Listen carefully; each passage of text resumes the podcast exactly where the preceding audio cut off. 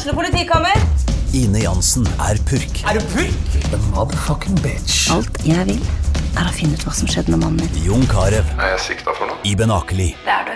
Ole So, Lars Berrum og Big Daddy Karsten. Hvem sin side er du på, egentlig? Anette Hoff, Tone Danielsen, Kommer du fra Afrika? Jørnis Josef, Nesten. Kløfta. Trond Espen Seim, Det er synd å si det, men det var feil mann som døde. Purk. Premiere tirsdag på TV2 Play.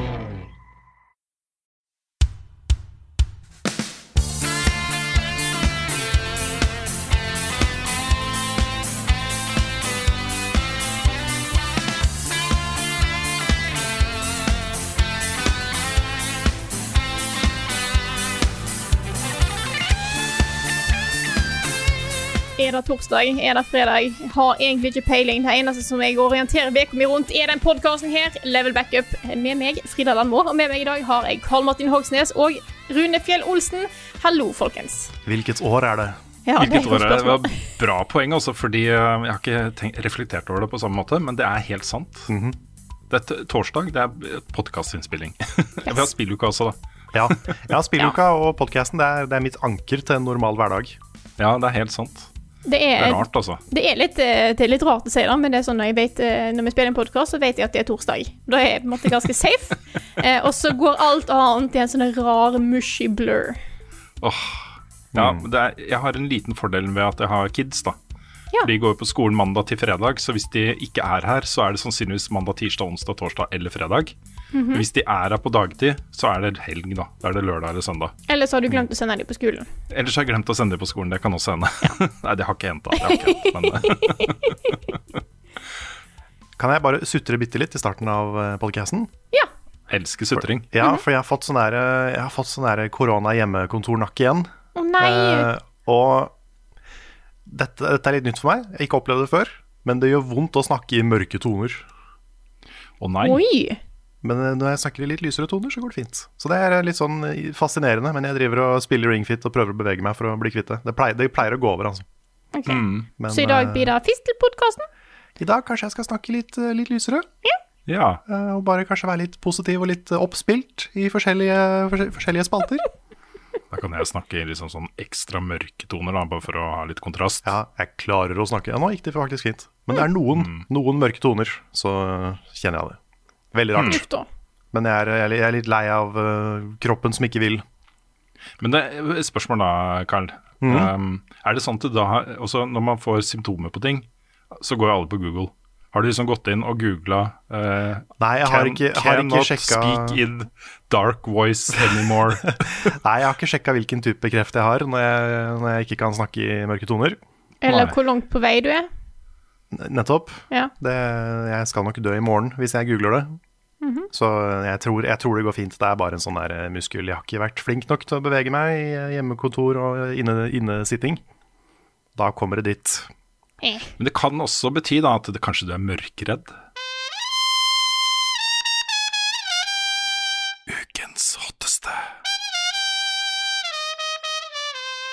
Og ukens hotteste denne uka er Nintendo, som hadde en liten Indie Direct i går. Og hva var det som ble vist fram der, Rune? Ja, det som, er, eh, det som er litt tingen med disse directene til Nintendo, er jo at man vet jo ikke om det passer til ukens hotteste eller ikke, før man har sett det, på en måte. Noen ganger så er det liksom bare ports. Altså sånn Ja. eh, Dette spillet som er populært, kommer til Switch. Dette kommer til Switch. Og dette kommer også til Switch. Takk for oss. Ja, ja ikke sant. Det var, jo, det var jo en del sånne ports uh, her også, men uh, jeg, jeg så gjennom den uh, directen. Og det var sånn, vet du hva, Alle disse spillene har jeg lyst til å spille. Nesten alle. Så å si alle spillene som ble vist frem der, har jeg lyst til å spille. Og Da tenker jeg det er verdt å ta en liten, um, uh, liten gjennomgang. Uh, og ikke minst da, så ble det jo annonsert da en oppfølger til Oxenfree. Uh, Oxenfree 2, Lost Signals, som kommer da senere i år til Switch og PC. Um, jeg har ikke spilt Oxenfree, men jeg vet jo uh, Du, du har det, Karl, har du ikke det? Nei, jeg har, Nei. jeg har sett, mener jeg husker, en playthrough. Men jeg husker at Lars har snakka masse om det. Han elsker det, det første. Ja, for, ja jeg, jeg bare husker at vi har snakka masse om det. Mm. Streama ikke Lars det, eller noe sånt? Hadde vi ikke et eller annet på Oxenfree? Det er mulig han gjorde det. Det husker jeg Ja. ikke, men Ja, eh, for jeg har også sett ting av det. ja. Samme her. Nei, det, er på, det er på lista mi over eh, ting jeg Altså den evige backloggen over ting jeg burde spille. Mm. Dette, dette er jo da Oxenfree 2, Lost Signals. Og jeg tenker også, hvis jeg rekker det, så skal jeg legge på video fra alle disse spillene eh, på YouTube-versjonen av podkasten. Fordi eh, det er mange av disse spillene her som er sånn derre eh, Når man beskriver det, så er det ja det, det, det. Det er, det er Lost Signals, ikke Lost Singles. Lost Singles in your area. Ikke Lost uh, Singles, det er helt riktig.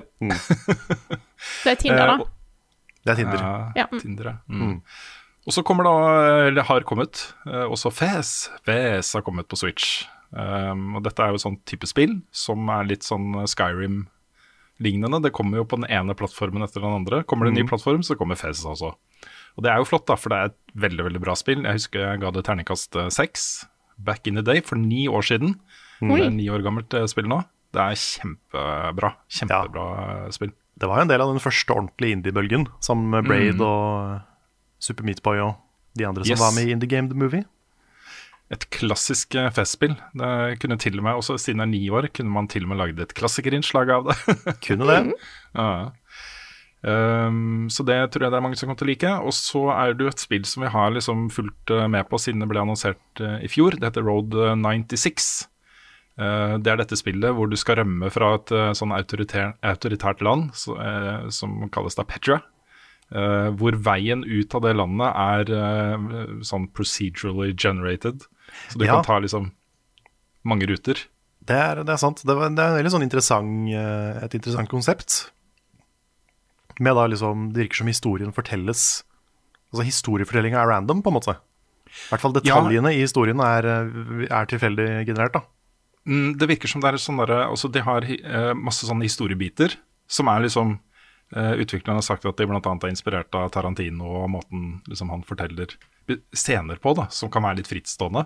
Eh, masse sånne historier som settes da sammen i en sånn tilfeldig rekkefølge og lappeteppe, og så kan du ta flere forskjellige ruter og få nye deler av historien, og de liksom spinnes i hverandre på litt sånn interessante måter. da. Dette her er et spill som kan ende opp med å bli skikkelig skikkelig bra. Altså. Uh, og Det er jo da eh, allerede annonsert til PC, uh, og nyheten her var jo at det da også kommer til Switch.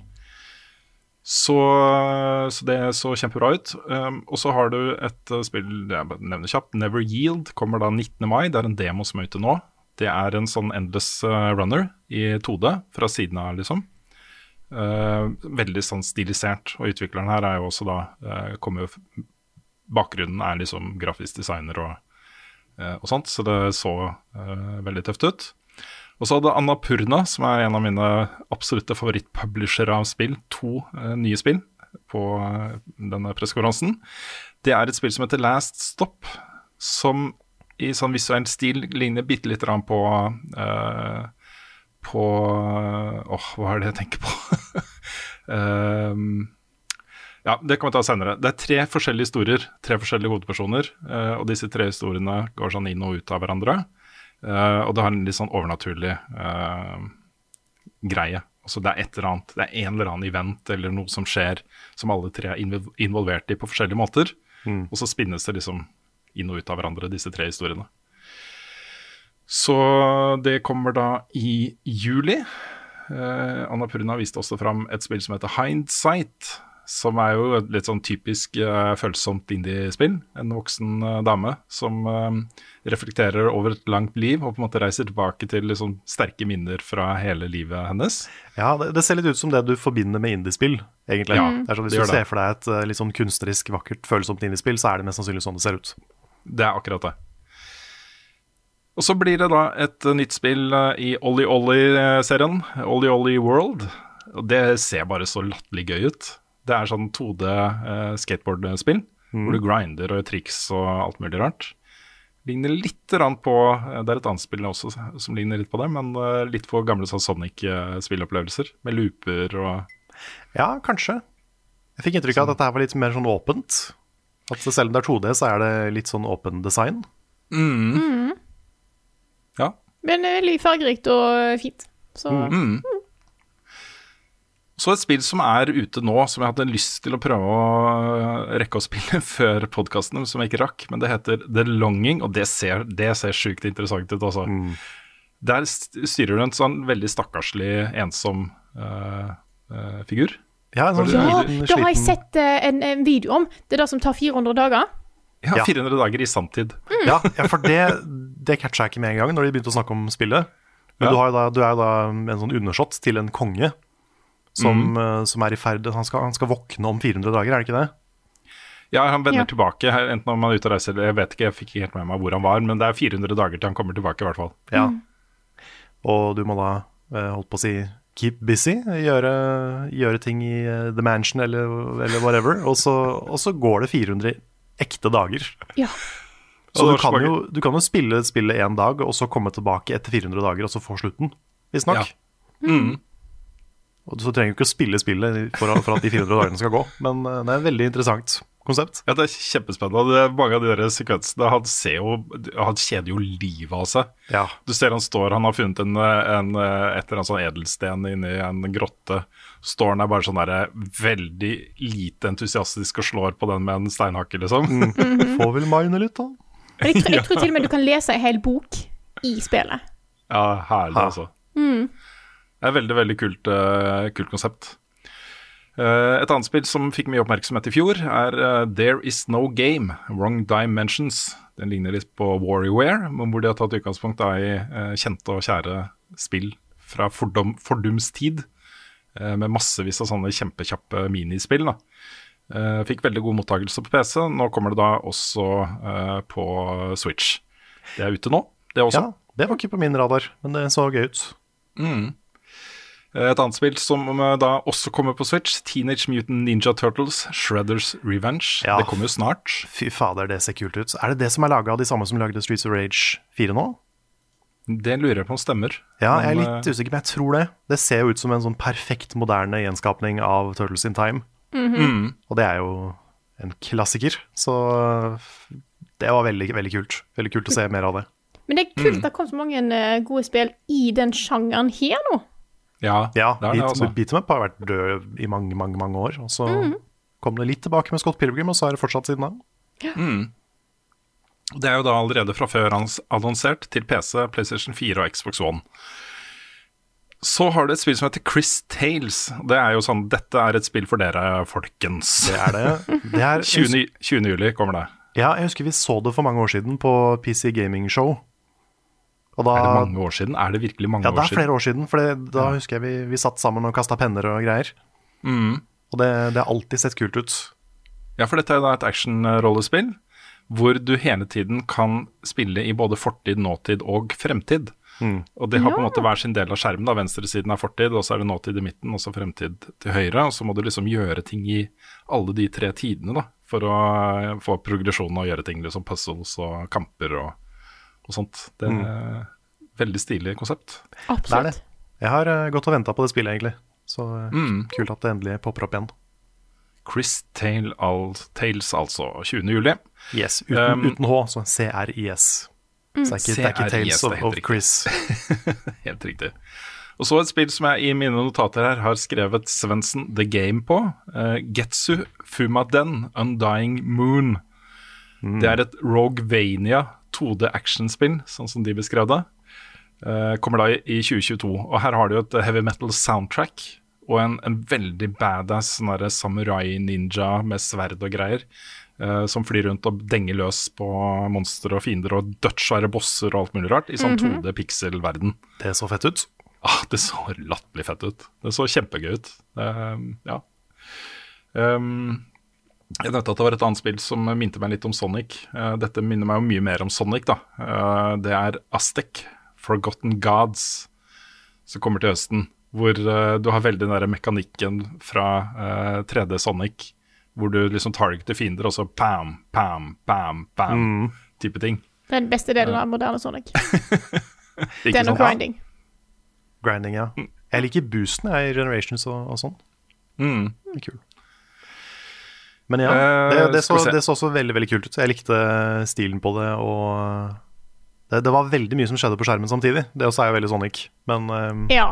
Det men det var mye farger og mye greier. Så eh, det er sånn enten så blir det rotete, eller så blir det veldig kult. Så mm. det gjenstår å se, men det så stille ut. Anbefaler å sjekke ut den traileren. Det er da Aztec med en H på slutten, så Aztec. Helt riktig.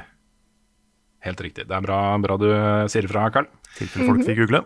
Ja, vi må eh, ta en liten stavemåte på det neste spillnavnet også. Ja. Skull. The, the Hero Slayer. Og det er da Skull med en L. Skull. Stemmer. Skull. Ja. Det er et rogelight 2D action-spill. Eh, og greia her er at du, du spiller da som et skjelett. Ja, ser ut som Sans fra Undertale. Mm, skal akkurat å si det. Og han kan bytte ut hodet, og da får han nye abilities. Så abilitiesene er liksom knytta til hvilket uh, hode han bruker. da. så han tar av seg hodet, så setter han på seg et nytt hode, og så får han helt nye abilities. Ja. Det er jo en sånn rolleswitch, rolle-switch, hvor det liksom, de, de snakka om at vanligvis spiller man som helten som slåss mot eh, skjeletter og ting og tang. Så her vil de gjøre det motsatte. At det er en, et skjelett som slåss mot helter. Mm, det er kult. Og, eh, men det er, det er en smart, uh, smart greie for rogelight-sjangeren. At du har da en, en dead figur, litt sånn som i Hades, som ikke kan dø. eh, og som eh, kan prøve igjen og igjen og få nye powers via å bytte ut hodet sitt. Det er eh, Ja. kreativt. Veldig kreativt.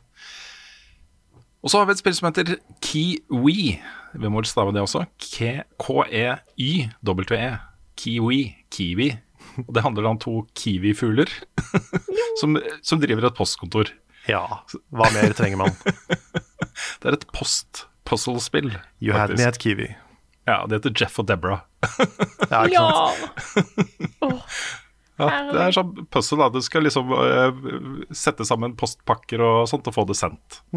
Fly rundt hos disse Kiwi-fuglene. Det så herlig ut. Kontoret til Post Nord. Et uh, spill som heter Labyrinth City så også veldig veldig kult ut. Det er basert på en barnebokserie som heter Pierre the Maze Detective. Hvor eh, det er litt sånn derre Where's uh, Wally-type Ja, det var det, ja. ja det, det spillet så jo ut som en sånn uh, Hvor er Willy-bok. Ja, hvor du spiller brettet er liksom en hel sånn side, og så er det en labyrint inni her som du må liksom finne ut av og snakke med folk og få uh, quests og sånt fra de, da. Jeg bare syns det så latterlig gøy ut. Ja, jeg forelska meg litt i den stilen. Bare sånn før kommentarene kommer. Det heter jo Where's Waldo på engelsk. ja, unnskyld, unnskyld. unnskyld. ikke Wally. Nei, jeg har eh, det er, Sorry, altså. Men det er Finn Eh, Willy på norsk. Finn Willy. Ja, ok, greit. Det får eh, Vi får la det jeg, skal ligge våken i natt og tenke på den. Ja, Ja, ja. Det kan hende kommentaren allerede har kommet. Med en gang du sa det, så bare ja. um, her er et spill som også er sånn derre Ser latterlig sånn nydelig ut. Uh, mange av disse spillene kan jo bare se nydelige ut, og så ender det opp med å ikke bli så morsomme å spille. Men uh, Weaving Tides, som er da et spill som ser ut som en litt sånn blanding av uh, Kirby's Woolies World og uh, Zelda, hvor uh, verden er laget av tekstiler. Yoshi's Woolly World. Yosh, sa jeg Du Kirby? sa Kirby. Ja, Kirby. Du sa Kirby's Woolies World. Ja, Så det det er- det var Men mye Kirby som har jo feil. Epic Pokkeren Yarn, også. så du har på en måte Ikke bare blander jeg, blander jeg dager og uker og sånne ting, men jeg, ja. Ja. jeg er ikke helt on i dag, kanskje. Luigi's Wally World. Ja, men ok, Hele verden er lagd av tekstiler, Mm. og du styrer også Du rir på en slags sånn liten drage, flyvende drage, som har eh, egenskapen til å liksom stitche ting og så sy og eh, sette sammen ting, da, og så fikse verden på den måten. Det mm, så sweet ut. Eh, helt eh, på andre enden av, eh, av opplevelsesskalaen så finner du da en remake av The House, House of the Dead. Som er jo basert da på Arkade lightgun-shooteren The House of the, Dead. Hvor du har et sånn fixed perspective, og så skal du bare skyte zombier. Um, ja. Og så er det et spill som eh, tydeligvis er litt sånn inspirert kanskje av eh, Pokémon Snap. Beasts of Maravella Island kommer i juni. En stor verden hvor eh, en av hovedtingene du skal gjøre, er å gå rundt og ta bilder av dyrelivet. Ja, dette her Det var en del av directen. Jeg trodde jeg så hele. Jeg kan ikke huske å ha sett det her. Ja, nei, det, det, det har en helt annen type gameplay, da. Det er mer sånn uh, 3D Skal vi se.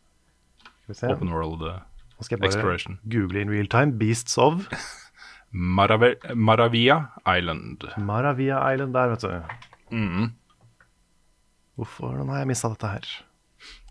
Det så jo kjempepent ut. Har du ikke fulgt med, Carl? Hvordan har jeg ikke sett det her? Det var rart. Jeg vet ikke. Ha. Ja, var du, så- du var sikkert på do akkurat da. ja, jeg var ikke Ja. på do. Ja, men jeg vet ikke. Jeg vet ikke. Vi får gå videre. 20 minutter lang nin, nin- Nindis Carl var sikkert på do tre ganger. Nei, det var ikke, ikke så ille. Jeg så, jeg så den i én sitting. Trengte ikke å gå på do. Ok, godt å høre. Og så har jeg spart eh, litt sånn rosin i pølsa til slutt. da. Det var et spill som er så åpenbart inspirert av ting eh, at eh, det kan hende at det blir litt for eh, samey og litt lite original, originalt. Men hvis de har liksom klart å gjøre en, en egen touch på dette her og få det til å bli et, eh, en, en bra helhetlig spillverden eh, også, så kan det bli amazing. Det heter Ender Lilies, Quietus of the Nights. Kommer 22.6. Det er dark fantasy Metroidvania-eventyr, blir det beskrevet som av utviklerne. Det er litt sånn Hollow Night møter Ori. Ja. Det er jo ikke det verste referansepunktet å ha, egentlig. Nei, det går helt fint, da, faktisk. Det er, det er greit. Mm. Mm. hovedpersonen er jo sånn der goth, uh, goth-dame. Som uh, Og alt er liksom veldig godt da, og mørkt og litt sånn Litt sånn som Dark Souls. Mm. Så um, det, det, det så veldig kult ut. Jeg frykter litt da at uh, det var en del av de mekanikkene altså, Jeg har ikke spilt noe særlig Ori selv. Men jeg, jeg selv, jeg liksom, med min begrensede erfaring med Ori, kjente jo igjen mye av eh, miljønavigeringa og abilityene til, uh, til um, hovedpersonen der. Mm. Så, men det så veldig, veldig veldig stilig ut, altså. Ender Lilies, altså. Det var alle spillene. Jeg gjentar da at hvis, uh, hvis du lurer på øh, hvordan disse spillene så ut Jeg skal prøve å få klippet sammen en sånn highlight til de Altså akkurat den spalten her. Bare her er video fra de spillene vi snakker om. For det kan være greit å ha litt referansepunkt på det.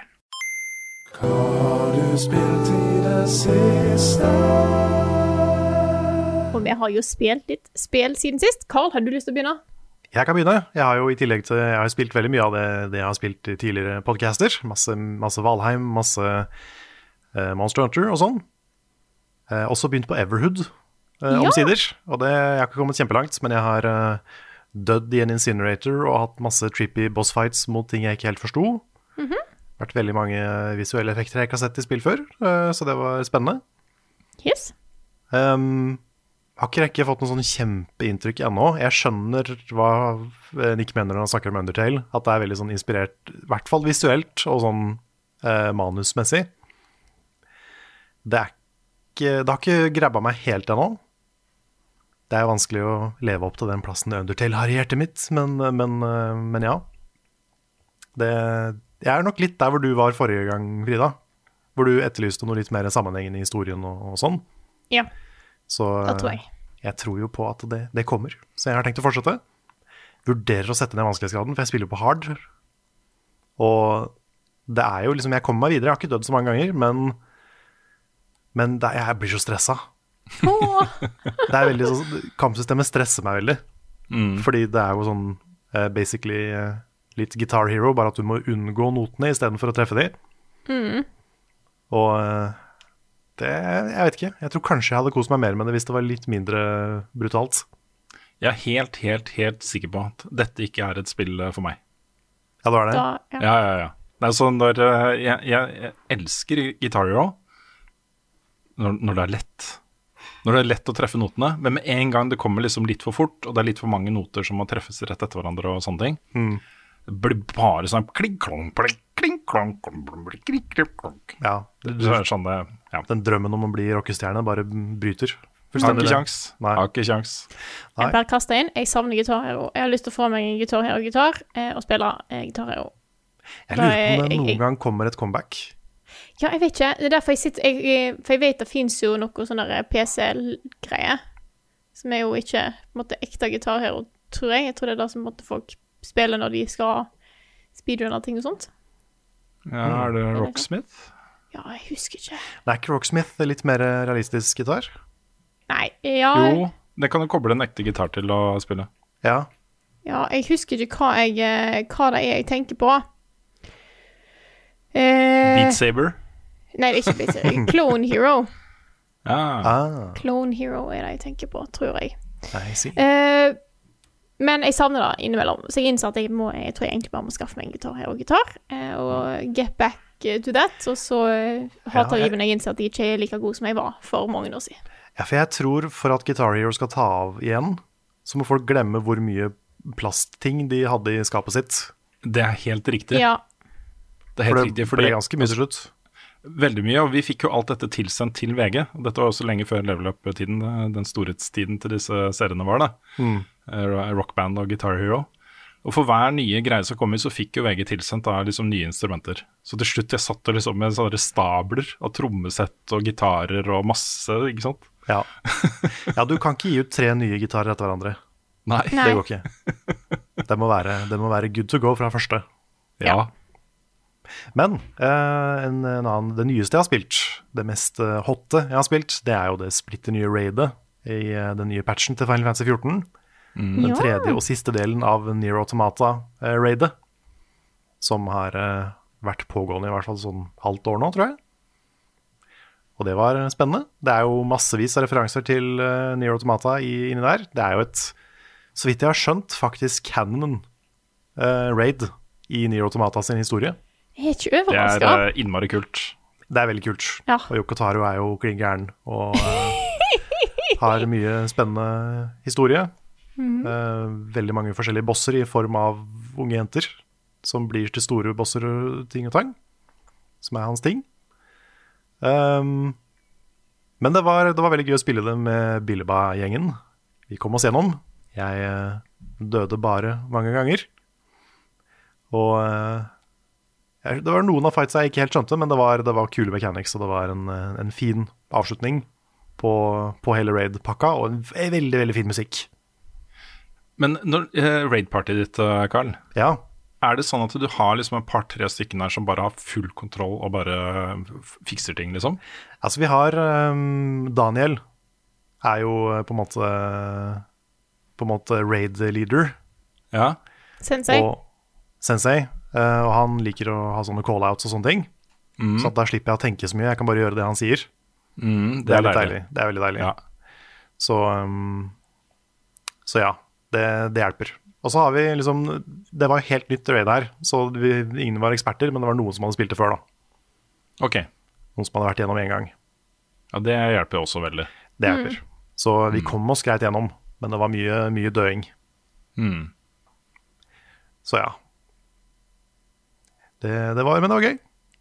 Jeg skal eh, høre mer på musikken etterpå. Den eh, skal eh, YouTubes med en gang. Stilig. Så, og så kommer det da litt mer story til uh, hovedcampaignen. Som eh, leder opp til eh, den kommende Endwalker expansion, som eh, blir lansert i høst. Mm. Så det blir, blir bra. Gleder meg til det. Kult. Det er meg. Skal jeg ta over? Ja. Ja, kjør på. Uh, ja, fordi altså, det blir mer Outriders eh, nå. Og lite visste jeg da jeg satte meg her og spilte den demoen som kom eh, noen uker før lansering, som jeg var veldig av Hva heter det sånn skeptisk til. Jeg gadd ikke engang å gjøre alt man kunne gjøre. Man kunne jo grinde opp til eh, world level 7 og uh, uh, få en del Og så grinde ut utstyr som man kunne ta med seg videre og sånn. Det orka jeg ikke. Jeg syntes det var litt kjedelig. Og sånn var også starten på spilleopplevelsen. De første ti-ish timene så syns jeg, jeg Outriders var ganske kjedelig. Men så har det vært litt spesielt, og dette kommer jeg til å snakke om i anmeldelsen også. Fordi for hver tiende time omtrent da, som jeg spilte det spillet, så ble det bedre. Gikk jeg opp en score i hodet mitt, liksom. Nå er jeg over 90 timer, og jeg er pinadø. Altså, jeg ligger og vaker sånn på 8-9 av 10. Fordi hele spillet her Det er så smart laga, altså. Fordi hele spillet her er bygd for endgame builds. Eh, hvor i starten så er du så svak, og du har ikke de modsa du trenger, og det gear og den uh, korrelasjonen da, mellom skills og mods og, uh, og stats på våpen armor, som du kan grinde ut etter hvert. da, ehm, og få liksom bedre, ting som snakker bedre og bedre med hverandre. Og til slutt så har du liksom damage-greier som bygger på andre og stacker og snakker med hverandre, og den ene påvirker den andre. Og du sitter der liksom og bygger, bygger en sånn ultimate eh, kampmaskin, ikke sant. Eh, og det kommer først virkelig, virkelig på banen etter at du har eh, spilt det mye. Så de siste liksom, 20-30 timene av det spillet har vært amazing. Helt fantastisk morsomme opplevelser. Um, og nå er jeg jo helt i endgame. Jeg nærmer meg liksom uh, tier 15 på Expeditions, som er endgame-innholdet. Eh, som også er morsommere enn det så ut som først. Det er skikkelig intense greier hvor de bare pøser på med leads og mobs og bosser og alt mulig rart, liksom. Og så skal du klare det på fortest mulig tid da, for å få best mulig rewards.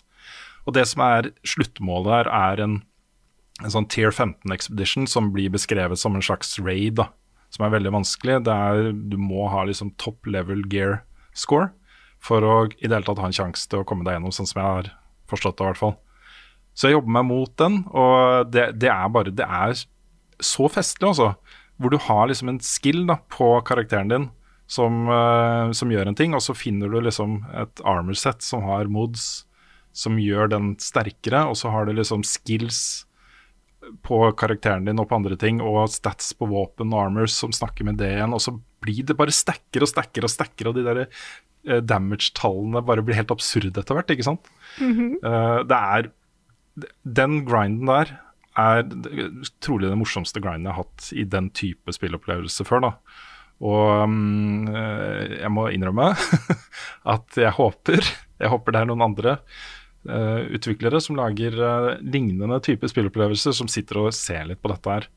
Fordi jeg må, når du setter på en måte karakterutviklinga i Destiny opp mot dette her, så blir det litt spakt, altså. Det er liksom det, det hadde vært digg i et Games as a Service-spill å ha muligheten til å ha så stor valgfrihet og så mange muligheter når du skal bygge en character. For det å jakte på eh, de beste modusene og sånne ting er på en måte Det er en betydningsfull ting å gjøre. da. Det er uh, ordentlig stille, og så er det jo mye kule uh, visuelt også. Armor sets og uh, med stat-bonuser og, og sånt hvis du har hele, hele set, eller set-bonuser hvis du har hele settet og sånne ting. Så det er I et, Um, I et alternativt univers så er Rune den mest dedikerte Monster Hunter-spilleren i- av oss alle sammen. ja. ja, dette er min Monster Hunter, da. For jeg, jeg liker jo, jeg liker jo liksom den derre massive liksom bare fuck shit up-holdningen til gameplay-design. Mm. Jeg elsker det, ikke sant. Uh, og det, det var en ting som jeg har vært veldig sånn lei meg for. Uh, det som var min favorittklasse her, Devastator. I hvert fall sånn eh, i utgangspunktet. For dette er jo en sånn Hvis vi har spilt Destiny, så er det en Titan. En som bare skal gå rett i trynet på fienden og punche ting og være oppi deg hele tiden liksom, mens blodet spruter. og det er liksom det, Ikke sant, det er det som, Han er en tank, da. Uh, men når jeg kom da til litt opp i levels og, og world uh, tier, så uh, begynte liksom damage-tallene mine og Det var ikke nok, liksom, jeg gjorde ikke nok damage på ting. Og det var skikkelig seigt å spille det. Men nå har jeg sett da en, eh, en bildvideo fra en YouTuber som heter Swingpoint, uh, point med Y, hvor han har lagd en sånn Devastator uh, punch-bild. Uh, hvor eh, du, du bare går ut og puncher ting. Og du, da har du liksom ikke sant, mods å snakker med hverandre og en, uh, bruker skill-tre som er liksom tilpassa til det og sånt. Og han sier at det har ikke noe å si hva slags våpen han har engang. Han skal bare punche ting og så gjøre litt damage med våpenet innimellom, og alt bare stacker og stacker og stacker, og det er ikke måte på, liksom. Og Når du gjør skade, så healer du, ikke sant. Så du står da med liksom blir crowda av elites. Bare står og puncher ting og holder på, liksom. Det ser så gøy ut, altså. Ja, men sånt er så gøy når, når spill er så åpne at du kan, på en Ja. måte, du kan forandre hele gameplayet bare ved å lage en smart bild. Det er akkurat det. Det er veldig, veldig kult. For mitt instinkt her i den type spill, det er å gå for eh, det som gir meg mest mulig helse, sånn at jeg overlever lengst mulig. Men her er det liksom Hvis du spiller de andre treene riktig, så får du helse av det, liksom. Hvis du spiller det på den måten som de skill-poengene har gitt, uh, gitt deg muligheter til, ikke sant. Så her, jeg, jeg syns det, det er så bra, altså.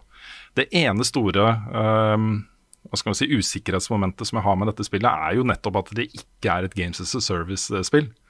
Fordi hva så, da? Når jeg har brukt 100-120-130 timer på å komme meg igjen, helt gjennom og bygge den ultimate drapsmaskinen, liksom. Var det verdt det? Var det verdt det? Jeg vet ikke ennå. Det er et viktig poeng. Jeg må nesten vite det også før jeg kan gi det en, eh, en score. Ja, Skal ikke se bort fra at uh, det en dag kommer et uh, Outriders World eller Outriders uh, Online eller whatever, som bare er et full, full on MMO-type spill. Ja, Hvis uh, People Can Fly nå kommer med en announcement om at vi skal bygge videre på eh, dette universet her, og du skal kunne ta med deg din character videre inn i det universet, så er det Det kommer til å være viktig for mange også. Det er jeg helt sikker på. Men det kunne vært Altså hvis de hadde lansert et Outriders 2 med character import, det er en kul løsning, da. Ja, det er veldig gøy å bygge sånne ting på nytt, da. Fordi Ja, mye av gleden med det, det, spillet det her måtte er du jo gjort uansett, men at du starter med den samme karakteren, da. Ja. ja fordi mye av gleden her er jo å finne disse modsene, ikke sant. Mm. Eh, og modsene finner du av å få gear som du dismantler, eh, som har da mods som du trenger. Eller som de ikke har. Så kommer de inn i eh, biblioteket ditt, og så kan du bruke det så mye du vil. Mm. Men her har de jo fire forskjellige klasser, og um, jeg kommer nok til å, å Jeg har liksom en trickster, da, som er den jeg starta med. Den er jo World Tier 15 og um, eh, Expeditions eh, Tier 13 eller noe sånt. 12-13. Um, så har jeg en Devastator i level 25, og så har jeg så vidt påbegynt en Technomancer. Og så skal jeg også ta Pyromancer. Jeg vil i hvert fall se hvordan de er et stykke opp i eh, World Tears. Og hvor gøy det er å spille. Kan jeg bare ta og bare sjekke hukommelsen min her litt? Mm. Var dette det spillet du for på podkast og sa at du ikke orka å spille gjennom de andre classes òg? Det kan hende. Ja. Det kan hende. Kan det være at det er en liten eh, Rune sier i starten av Full Metal Bloodborne Jeg er ikke sikker på om dette her er noe for meg. Ja, ja. Liten Altså, revisited. det som er litt trist her, da, er at eh, det, det tok meg liksom 40-50 timer med det spillet her før jeg innså at jeg spilte det feil. Og så Jeg spilte det ikke feil, men jeg hadde, jeg hadde spart så mye tid hvis jeg hadde visst om liksom de der Eller hvis jeg hadde spilt for det, da. Å finne og bruke riktig mods og bygge en klasse og ha en path på skill-treet som eh, var tilpassa det, osv. Fordi når det kommer til Expeditions, så er det eneste som betyr noe der, er DPS. Uh, og jeg spiller jo mye med uh, en fra eh, Destiny uh, Community som heter Rookie. Han heter, han heter sikkert ikke Rookie, men eh, det er det han eh, heter in game. Eh, og han spiller jo Technomancer, en annen klasse. Og den er jo en sånn klasse hvor du kan stå på avstand og skyte, og du healer bare ved å treffe fiender med skudd. Trickster må du være close combat for å kunne heale. Det er eneste måten å heale på, er å drepe ting på close hold. Eh, og min damage, mine damage-tall er liksom en tredel av hans på Expeditions. Og det er mye fordi jeg må liksom leite etter Jeg må komme meg helt fram til de for å kunne drepe de, ikke sant? Det er ikke noe vits i for meg å stå på avstand og drepe ting. Hvis han står med sånn turrets og um, uh, autorifler og sånn på avstand og bare skyter alt, ikke sant? så kommer jeg fram, og så dør de før jeg kommer fram. Så uh, det er en litt sånn derre artig uh, uh, hva skal man si, miks av klasser og komboer og, og sånne ting. Men jeg må få høyere damage output. Og det er en skill der som jeg ikke har begynt å bruke ennå, fordi jeg ikke har uh, uh, en god nok armor build til det. uh, som uh, gjør at du kan liksom Du kan lage et sånt startpunkt ved å trykke på det skillet. Og så kan du rushe ut, og da får du en damage boost og healing boost og alt mulig rart mens du gjør det. da. Det kan vare i to minutter hvis du har riktig mods. Så flyr du rundt på slagmarken og bare dreper ting, og så trykker du på knappen din, og så teleporter du tilbake til eh, sikkerhet. da. Så det, det er en sånn sykt viktig eh, skill å ha i eh, Expeditions, som jeg skal liksom bygge en ny armor-oppsett rundt. da. Så nei, men det er, dette er bra, altså. Det ligger jo hele tida og spøker, den der bugen som gjør at jeg kan wipe alt gearet mitt. Den kan skje når som helst. Oh, Hver gang jeg logger på. Uansett om jeg spiller solo eller om jeg er i Expeditions eller hva som helst, liksom, så kan det skje, da. Du må bare mye- aldri logge av. Nei. Hvor mye opp går pulsen din hver gang du logger på? Nei, jeg, jeg tenker ikke så mye på det, egentlig. Det er mer sånn derre um, Du blir jo disconnecta noen ganger, ikke sant? Og det er jo i de sånne disconnects som denne wipen skjer. Da går pulsen opp. Da er det sånn OK, du kommer inn til lobbyen igjen. Har jeg fortsatt et våpen i hånda? Åh, ja, gudskjelov, jeg har et våpen i hånda. Det er ikke borte. så ehm, Logger på, så står er- du der bare med sånn laks. Ikke sant? Men, men dette, er, dette er jo Altså, jeg har spilt nå i over 90 timer, jeg har jo ikke opplevd Også etter den første patchen kom, som gjorde på en måte selve eh, gameplayet mer stabilt, da. Um, jeg har ikke hatt noen problemer i det hele tatt. Så har det bare virka helt ferdig. Det har ikke vært uh, vært veldig veldig få disconnects, så det har egentlig vært sånn som jeg forventer at spill skal være. Så det er jo den ene store, da. Den er jo til gjengjeld altfor stor. Kan du ikke ha det sånn. Nei. Kan jeg bare ta også bare et eh, spørsmål fra Rune Trellvik her? eh, Kjør på. Spør da, hvordan ser dere på Outriders i fremtiden? De har sagt at det ikke er et live service-spill som Destiny 2, men med tanke på suksessen de har hatt, og hvordan spillet nesten er bygget opp rundt multiplayer, hvordan ser veien ut videre? tror dere at de vil vri skipet i litt mer Destiny-retning etter hvert? Og det er et veldig godt spørsmål, fordi eh, Outriders kommer inn i en sånn ny-ish gruppespill som blander liksom MMO med skytespill og tilbyr mye mer sånn rollespill og karakterutvikling og sånt i veldig actionfokuserte opplevelser. Du har liksom Division og du har Warframe og du har Borderlands og Destiny og dette og uh, andre spill. Og jeg tror da at uh, den største effekten uh, Outriders har på spillmediet, er det, altså inspirasjonen de gir til de andre. Hva, kom, hva, hva, kommer folk til å bygge basert på hvor fett det er å spille Outriders? Mm. Og det er om to-tre år så kommer det spillet, som er Outriders i liksom karakterutvikling, men som også er et live service uh, eh, MMO-spill. Og kanskje til og med også noen av de etablerte, um, som Destiny f.eks., henter inspirasjon herfra og gir deg mer valgfrihet. da. Warframe er nok nærmere Outriders, tror jeg, eh, basert på det lille jeg vet om det, enn en Destiny er i karakterutvikling. Det kan godt være. Det er veldig bildbasert, så vidt jeg har fått mm. med meg. Mm. Og mye også sånn nærkamp, at du er mye i trynet på folk, eh, på samme måte som det er med et par av klassene da, i, i Outriders. Ja. Um, men de har jo sagt da i, et intervju med Gamasutra at uh, hovedinspirasjonen til, til um, karaktersystemet her uh, kommer fra bl.a. Fine Fantasy 10. så de har liksom gått utenfor skytterspillsjangeren og de andre som har etablert seg innenfor liksom RPG-skytespill. For å lage liksom noe som hvor, hvor, det er hjertet. hjertet. Hjertet i dette spillet er å bygge en karakter. Ja. Finne mods og bruke de modsa og ha det da, fett fordi du har vært flink til å bygge. Da skjønner jeg litt hva de mener, for det der sphere grid-systemet i Final Fantasy 10 er veldig åpent. Mm. Du har på en måte en sånn default path du kan forme karakteren ut ifra, men du må ikke følge den. Nei. Så hm. Det er interesting. Ja, nei, jeg er veldig overraska over hvor godt jeg liker dette spillet her. Og det var eh, Jeg hadde ikke tenkt til å anmelde det, og så i utgangspunktet. Så kunne ikke Nick, og så var det sånn jeg skjønte at jeg, noen burde spille, i hvert fall spille litt, da. Og ha en mhm. mening om det.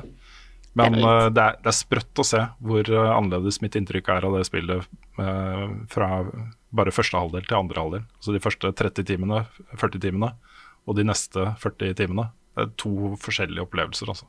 Mm. Så jeg er så hooked, også. Det er så bra. Yeah. yeah. Skal jeg ta og fortsette litt, Rune? Mm. Jeg har jo eh, Først må jeg snakke om noe som ingen av oss har eh, spilt, men jeg og du så på Carl. Nick spilte jo ferdig Ori på stream forrige uke. Han gjorde det. Det var, eh, det var litt av en opplevelse. Det er så gøy å se Nick oppleve spill for første gang. Ja, fy fader. Og Ori var jo Var det tre streams han brukte på, på det? Ja, jeg tror det. Ja. Det er ganske mye lenger enn det første Ori, som han tok på én stream. Mm -hmm. Men det spillet er bra. Altså. Det er uh, fantastisk, rett og slett. Ja. Helt, uh, helt insane. Så det var, uh, var, gøy å se på. og for et spill! Jeg vil, bare, mm. jeg vil bare trekke fram en gang til, for jeg liker å snakke om ord i And the Will of the Wisps. Men jeg har jo fortsatt å spille Monster Hunter. Ja, Åssen går, går, det med deg i Monster Hunter, Frida? Nei, jeg har spilt Jeg, jeg har ikke fått tid til å spille så mye etter vi hadde stream på søndag, men jeg spilte litt i går. Mm. Eh, tok et par high rank-bosser, og så så jeg plutselig at et par av de som vi spilte med på stream på søndag, holdt på i en lobby, så jeg hoppa inn der. De var jo rank 7, så da gikk jo fort. Ja. Eh, men det hjalp meg, eh, hjalp meg gjennom et par, par, par monster.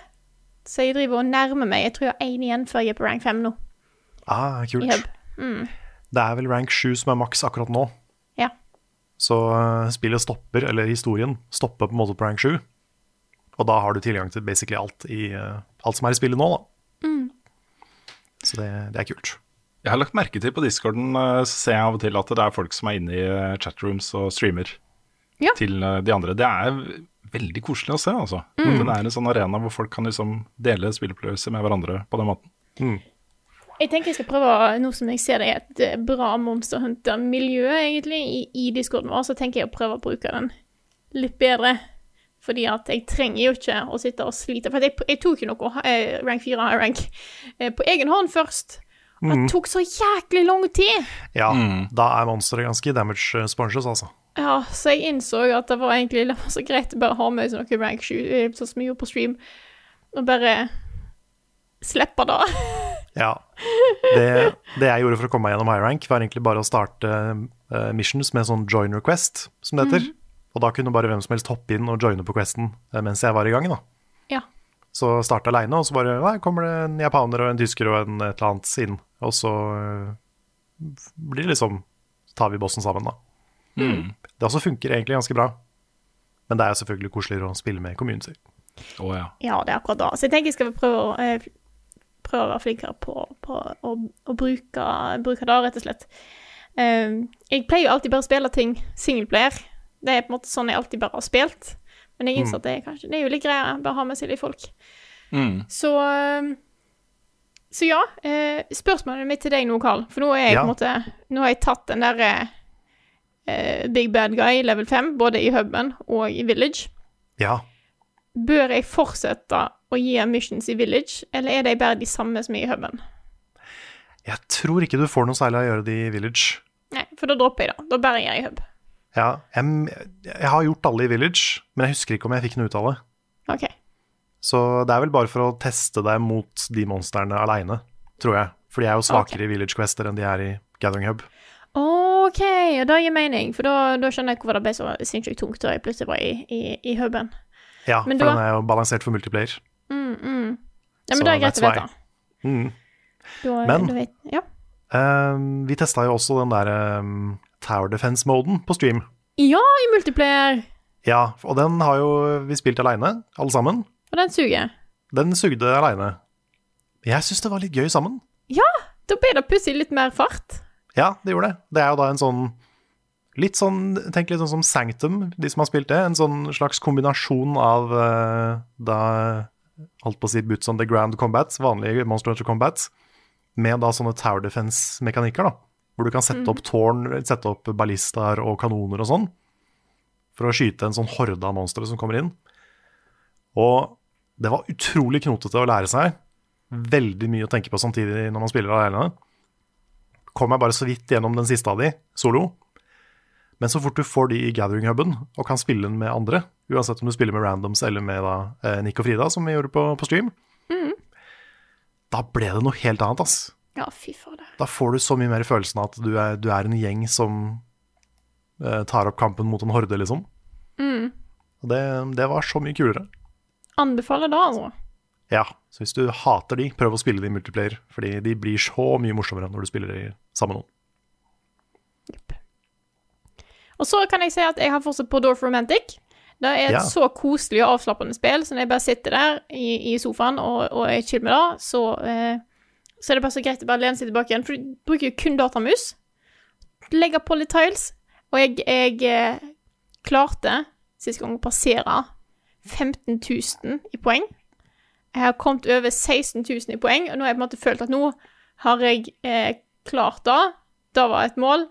Eh, så nå nå når ting er litt roligere eh, utenom eh, eh, Ja, litt roligere dagene framover, så håper jeg at jeg snart skal få ut en liten video på, på Dorf Romantic. Bare for å vise det litt fram, vise hva det er.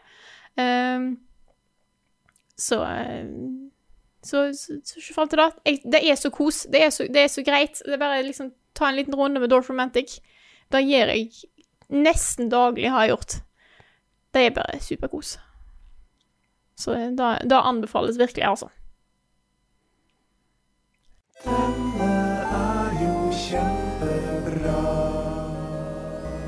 Ukens anbefaling. Anbefaling denne uka er det Carl som kommer med.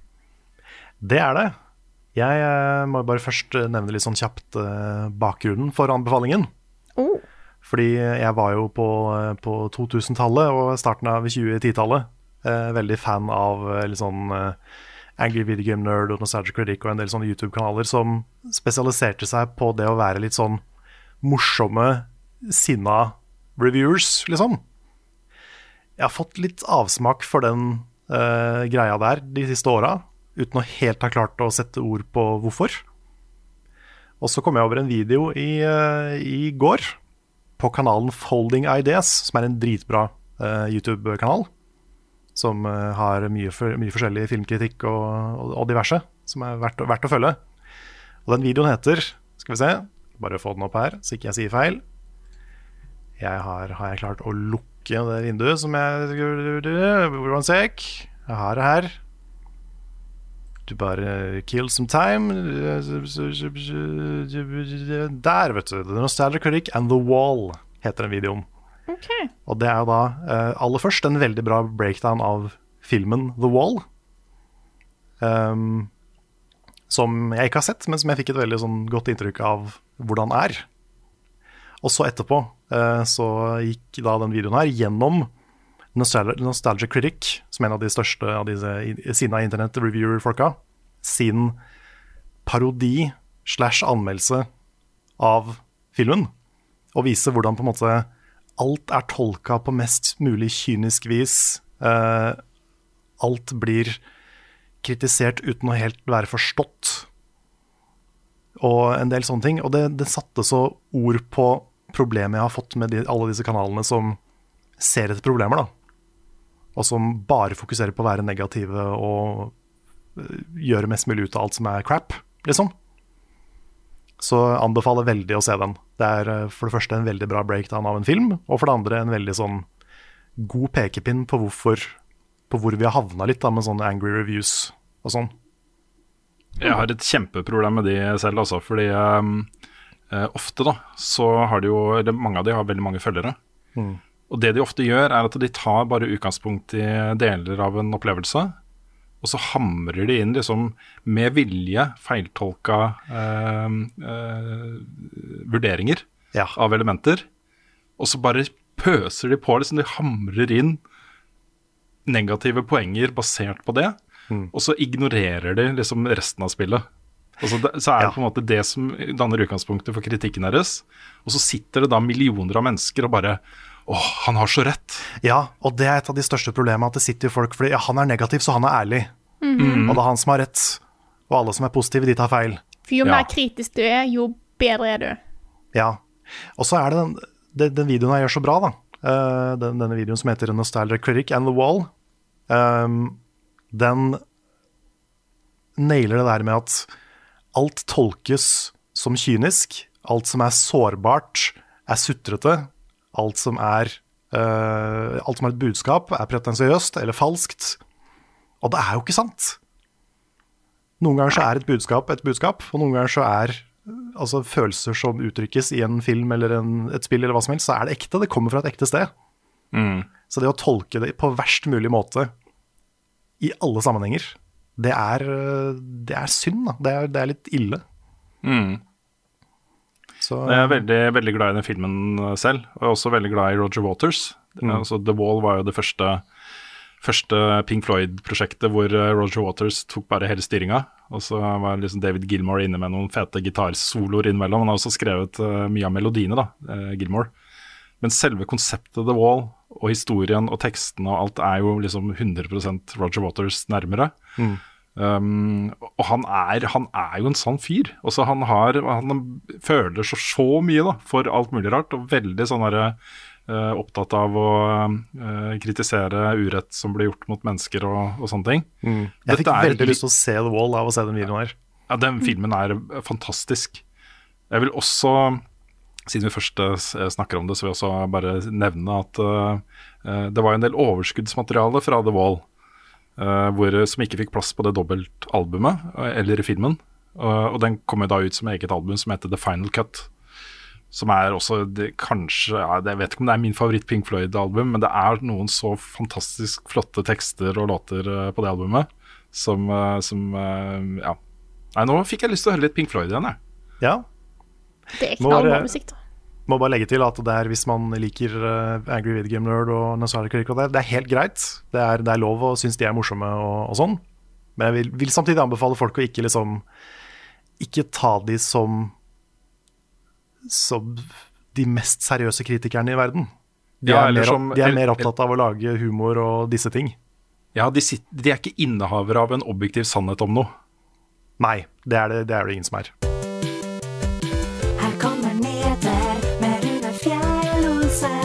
Og han har ikke hår. Jeg har en sånn vaskebil som kjører fram og tilbake utafor her. Så eh, hvis noen reagerer på liksom høye ly lydutslag fra et eller annet rart, så eh, bare sånn til si hva det er. Det kan være litt sånn rart å høre en eh, lyd bare dukke opp. Hva er dette for noe? Er det støvsuger Rune nå, mens han lager podkast? Ja. Dårlig gjort. Noen som hogger ned treet sitt med motorsag? Ja, for eksempel. Så, men vi, vi må jo bare lage den podkasten uansett, og jeg gleder meg til reine fortau. Det blir kjempedeilig. Det er uh, sikkert vårtegn. Uh, det er eh, nå et eh, rykte som, som går, som vi velger å snakke om fordi det er Jason Schreier som kommer med dette ryktet.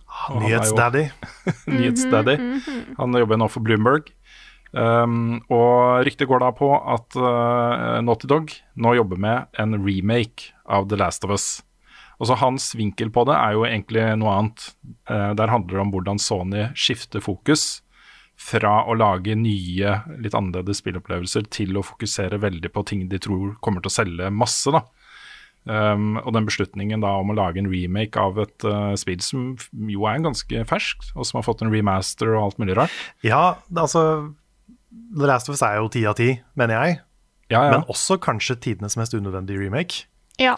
ja, det er litt sånn, men man vet jo, jeg, man vet jo at det kommer til å selge, ikke sant? Det, er, det, er, det er easy cash. Det er lette penger. ja, men det er så kynisk måte å se det på. Ja, ikke sant. Og derfor så, og det er utgangspunktet til Shrier også, i hans rapport. da. Fordi uh, denne beslutningen uh, involverer jo også et uh, Sony-studio som heter Bend. Bend Studio. Det er de som står bak eh, Days Gone. Hvor eh, de da, ifølge da Shrier, eh, både har fått nei til å lage Days Gone 2. Fordi ja, de hadde suksess, det solgte bra, det gikk i pluss og sånt, men ikke nok i pluss, da. Det var ikke en stor nok eh, greie til å liksom rettferdiggjøre at det får en eh, oppfølger. Eh, de skal nå isteden hjelpe da Naughty Dog med å lage The, The Last of Us-remaken. I tillegg til at de har et annet prosjekt da, på gang. Um, men de har også, tror jeg ifølge rapporten, fått nei til å lage en reboot av Uncharted, som de hadde planlagt. Og så, som tar litt den samme pathen som filmen gjør. da. Viser litt hva som har skjedd før uh, Uncharted 1, med Nathan Drake og, bro og broren. Um, og dette er jo et sånt skifte som, uh, som kan ha litt betydning for, uh, for PlayStation i årene framover. For tidligere i år så eh, la de også ned, eh, eller redistribuerte kreftene i Japan Studios. Mista mange av de eh, gamle legendene. Ja, og det har også skjedd her, da. Eh, Det er flere da i Bend og i det systemet som, eh, som har valgt å slutte. Um, og det er uh, potensielt litt sånn Altså De graver seg litt ned i sånn blockbuster-hull, da. Hvor, eh, hvor eh, det kan være litt skummelt, egentlig, hvis, hvis målet skal være å tjene mest mulig på hvert eneste spill de gir ut. Så mister man jo potensialet for liksom, nye, spennende ting som kommer inn fra sidelinjen og bare bergtar oss. For det har Sony gjort mye opp gjennom åra, med Buss og Singstar og masse Shadow of the Colossus og ting som har vært kulturelt viktig. da. Ja, ja, ja. Og så er det jo, altså det er jo satsingene de har gjort før som gjør at de har svære trippel A-ting nå. Så det, altså, du- vet jo aldri 100% hva som kommer til å bli stort. Nei, da har virkelig denne eh, vinteren her vist oss. Jepp. Så um, greit å snakke litt om, tenker jeg. Fordi dette, dette vil vi se resultatet av i årene framover. Det skal komme en oppdatering til Minecraft til sommeren som eh, til nå har het eh, Caves and Cliffs. Den heter nå bare Caves. Å, no cliffs. update. We didn't have time for cliffs. No cliffs. Nei, det ble for mye. Oh. Det ble for mye, Så de har delt den opp i to. Nå kommer da Caves til sommeren, og så kommer Cliffs da nærmere jul. Eh, Og Grunnen til at de måtte dele det opp, var at de oppdaga at når For de må bl.a. øke høyden man kan bygge i. Eh, Fordi fjellene kommer til å bli mye høyere og mer dramatisk og, og sånt i disse biomsa. Um, og det ble uh, for tungt. Altså det, det, det Mye slowdowns og FPS-problemer, da. Så det var en del sånn tekniske utfordringer ved Cliffs som gjør at de trenger mer tid på den. Så da blir det bare Caves til sommeren, Med begge disse to oppdateringene av Biomes i Minecraft er jo betydningsfulle, liksom. De kommer til å endre spillopplevelsen ganske mye. Det er masse nye mobs og ting som kommer inn i spillet samtidig. Så Er det noe dato på den første, på Caves? Nei, det står bare en, eh, sommeren, liksom. Ja, ok. Eh, Da er det kanskje litt for lenge å vente på Jeg skal jo starte en ny Minecraft-serien, så mm. kanskje for da får jeg starte den før Caves kommer. Ja, I hvert fall før Cliffs, eh, Carl. Ja. Det er mitt, eh, min anbefaling, i hvert fall. Mm. Age of Empires har fått lanseringsvindu. Det er til høsten. Age of Empires 4, nærmere bestemt. Um, Det er jo et uh, callback til, uh, til en veldig veldig populær og høyt elska uh, strategispillserie. Hvor eh, eh, jeg tror folk er klare for påfyll der. De driver og pusser opp de gamle Age of Empires-spillene samtidig. Det er, jeg syns det er gøy å, gøy å se, egentlig. Ja, det har vært kult å sette en sånn revival av det og liksom Heroes of Might and Magic og alle de der. Mm. Ja. Warzone har da nettopp uh, uh, gjennomført 475 000 permabands. Um, også Raven har gjort det i Warzone, Call of Duty Warzone. 475 000. Det de gjør, er at de banner maskinvaren. Uh, du får ikke lov til å lage en ny konto og komme inn igjen med en ny character etter at du har blitt tatt i juks flere enn en gang, da. Mer, flere ganger.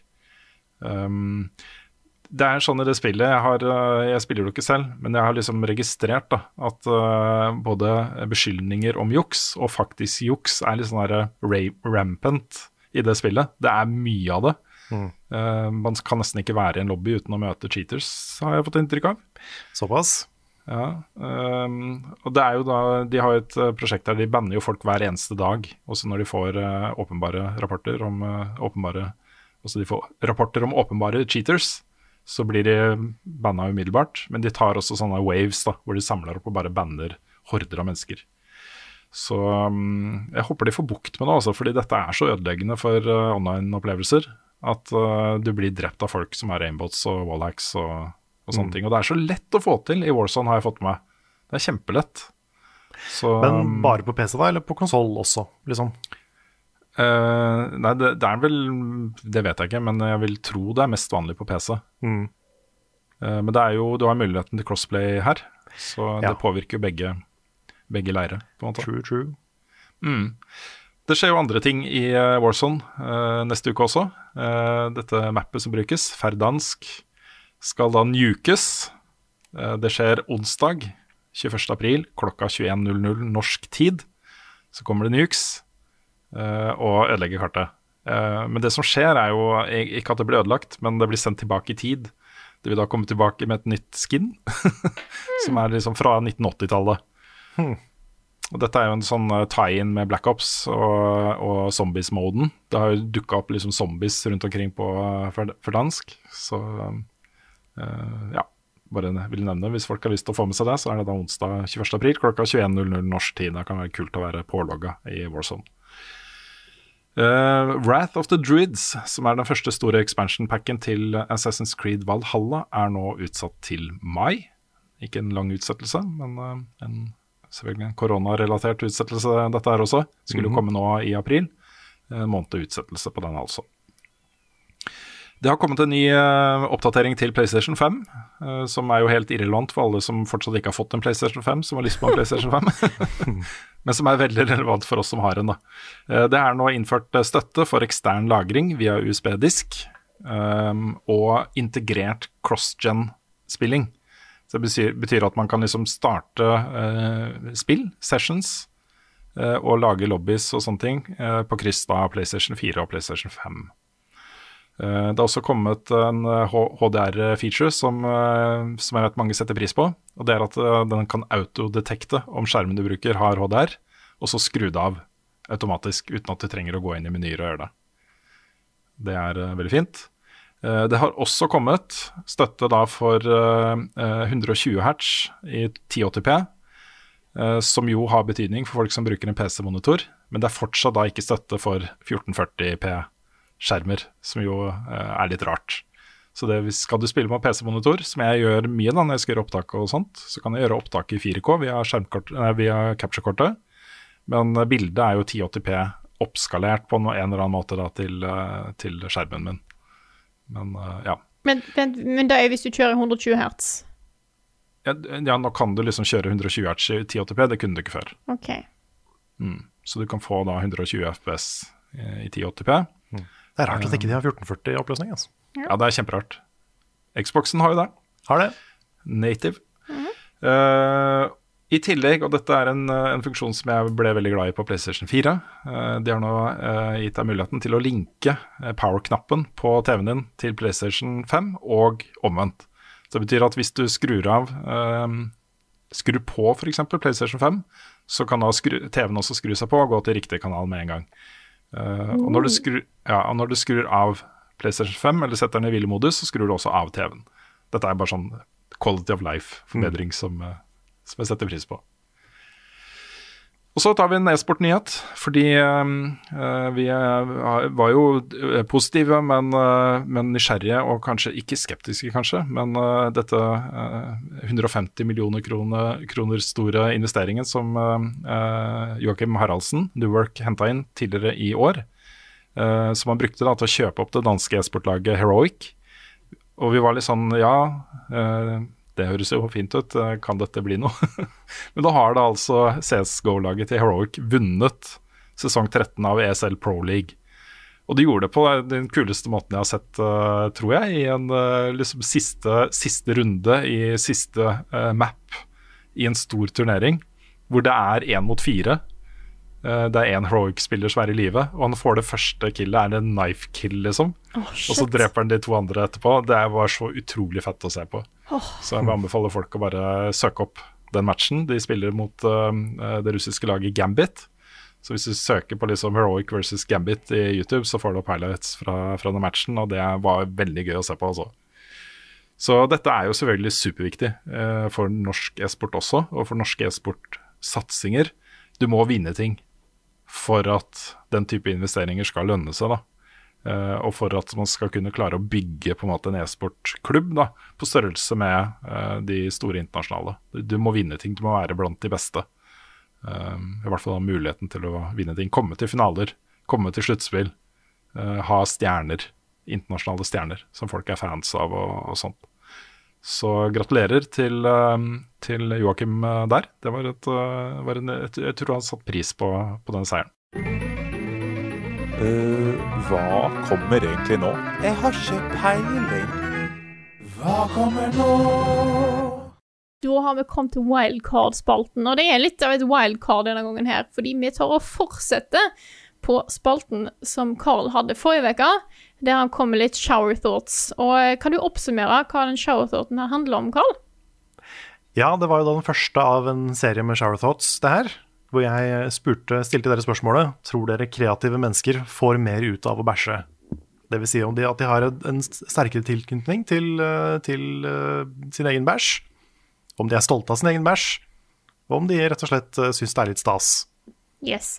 Og vi snakka er utrolig teit. Herregud, så teit det er! Men det er Dette er helt viktig, nydelig. viktig science. Ja, eh, så, så vi sa jo at vi skulle lage en poll, og det gjorde vi. Og vi har 731 personer som har svar på denne pollen. 731. Jeg vil bare på vegne av eh, Buffkitten AS og Level Up Norge bare si unnskyld til alle som fikk den her i fleisen. Fordi da, eh, vi kan ta eh, Vi kan jo først ta gå gjennom noen av kommentarene her. Ja. Eh, det, Terje Koglien lurer på om kontoen vår var hacka. Mm. Eh, mange som lurer på om vi har røykt noe interessant. Eh, Men dette og er jo, noen- det, dette er jo et, et viktig spørsmål. Det er et, et eksperiment. Yes. Og Ben Hansen kommer jo med et like viktig spørsmål. Står du eller sitter du når, du tørker? Men det er i hvert fall eh, interessant her, for det er noen som syns det er kult, og noen som lurer på hva i alle dager er det noen som tenker på dette her. Men det er helt klart 731 da som har vært med på og uncovered this. Og det interessante jeg vil først si, er jo da at vi nå har eh, vist at det er flertall av i hvert fall våre seere, og da som selvfølgelig den hele norske befolkning, som anser seg sjøl som kreative personer.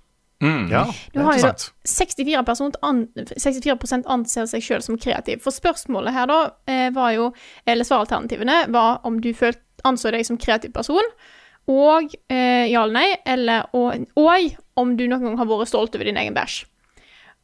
Og da kan jeg faktisk si at hvis du ser på eh, innafor de som anser seg som kreative personer, så er det 53% har ikke vært stolt over sin egen bæsj, mens 46,9 eh, har vært stolt over sin egen bæsj. Så det er veldig jevnt her. Eh, men det, Ja, så det er, det er ca. halvparten, da. Nesten Ja. halvparten. så, så det er ca. 50-50. Men du kan si hvis vi ser da kreativ og stolt over sin egen bæsj, er vi da på nesten 47% Men Eh, på den ikke-kreative sida så er det 50 eh, 55,5 eh, Eller 55,6 kan du vri det opp til, da. Eh, som sier at de er kreative Nei, ikke kreative, og ikke har vært stolt over sin egen bæsj. Og 44,4% som sier at de er ikke, ikke eh, kreative, men har vært stolt over sin egen bæsj. Så det er okay. små marginer her. Ja. Men det er kanskje da eh, Kanskje rundt 2 flere Hmm. eh, inn, innenfor de kreative personene som har vært solgt ut sin egen bæsj. Jeg vil okay, si at det er litt for lite til Ja, å si noe konklusivt. En bitte liten korrelasjon der, ja. Ja. Ikke mye. Nei. Men eh, det, da blir jo på en måte det meste resu- resultatet av denne idiotiske pollen blir jo at, eh, at eh, veldig mange anser seg selv for å være kreative. Og da Det var jo et litt sånn hyggelig resultat av, av Og, en sånn undersøkelse. og nesten halvparten av Norges befolkning er stolt av sin egen bæsj. Jeg. Ja. Ikke minst.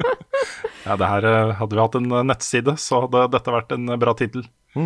Yes. Ja, nei, men takk. Dette, dette er en ting jeg har lurt litt på, så det er hyggelig å få det få, få sjekka det ordentlig. yes. Så det vil si at uh, kreativitet og stolthet over hva som kommer ut av kroppen, det er ikke nødvendigvis uh, en kjempe, kjempesammenheng. Og nå vet jeg ikke om Jeg vet ikke hvordan YouTube Jeg tror ikke YouTube viser downvotes, men vi har i hvert fall fått 37 upvotes, så jeg vet kun positivt eh, her. Eh, Så det er bare til å se fram til eh, senere undersøkelser fra oss eh, som kommer fra Carl sine shoutouts. Så eh, gleder Det kan, det kan være neste poll vi legger ut, burde være noe sånn hva har du lyst til å se på stream? Ja. Ja. At vi, bare, at vi kanskje får det litt inn igjen på normal, normale ting, og så kan vi komme med en sånn ny Bare sånn innimellom.